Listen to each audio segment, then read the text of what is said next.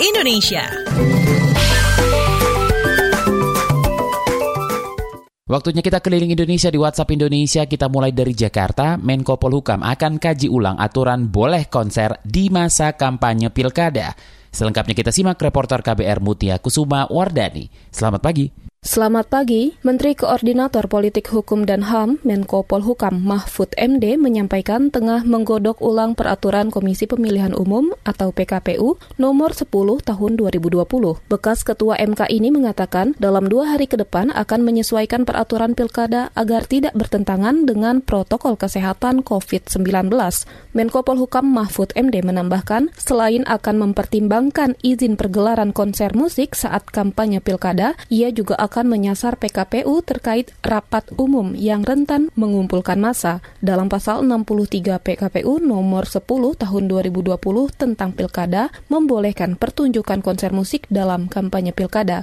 Demikian saya Mutia Kusuma Wardani melaporkan untuk KBR. Selanjutnya menuju Solo, Jawa Tengah, pakar kesehatan masyarakat minta tokoh politik gunakan pengaruh ke pendukung untuk terapkan protokol kesehatan. Kita simak kontributor KBR Yuda Satriawan. Selamat pagi. Selamat pagi, pakar ilmu kesehatan masyarakat dari Fakultas Kedokteran Universitas 11 Maret atau UNS Solo, Bisma Murti menyatakan perlunya faktor ketokohan untuk mempengaruhi masa pendukung dalam menerapkan protokol kesehatan di tiap tahapan pilkada. Menurut Bisma, langkah ini sebagai bentuk tanggung jawab sosial para tokoh politik di tengah pandemi.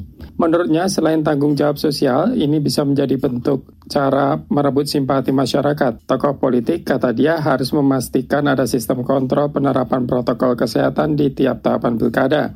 Lebih lanjut, Bisma menambahkan sanksi tegas diperlukan pada tokoh politik yang tidak bisa memberikan contoh penerapan protokol kesehatan yang baik selama tahapan pilkada. Tokoh politik yang memiliki masa pendukung antara lain partai politik, tim pemenangan, pimpinan organisasi kemasyarakatan, para kandidat kepala daerah, hingga ketua relawan. Demikian saya Yuda Satirawan melaporkan untuk KPR. Terakhir mampir Banjarnegara, Dieng Culture Festival 2020 digelar terbatas dan virtual. Kita simak kontributor KBR Muhammad Ridlo. Selamat pagi. Selamat pagi. Hajat tahunan di Culture Festival 2020 digelar secara terbatas dan tertutup akibat pandemi COVID-19 pada 16-17 September 2020 kemarin. Agenda wisata nasional di Dieng, Banjarnegara, Jawa Tengah ini disiarkan melalui kanal berbagi video dan berbagai saluran media sosial lainnya. Kepala Bidang Kebudayaan, Dinas Kebudayaan dan Pariwisata Kabupaten Banjarnegara Dwi Ananta mengatakan jumlah peserta dibatasi hanya 50 orang. Prosesi festival juga dipangkas. Acara ini disiarkan secara live untuk mengantisipasi kunjungan wisatawan dari berbagai daerah yang biasanya mencapai ratusan ribu orang.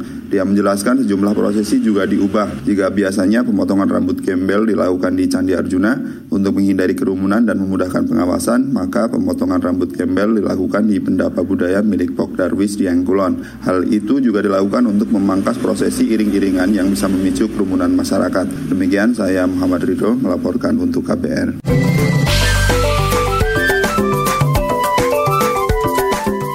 WhatsApp Indonesia.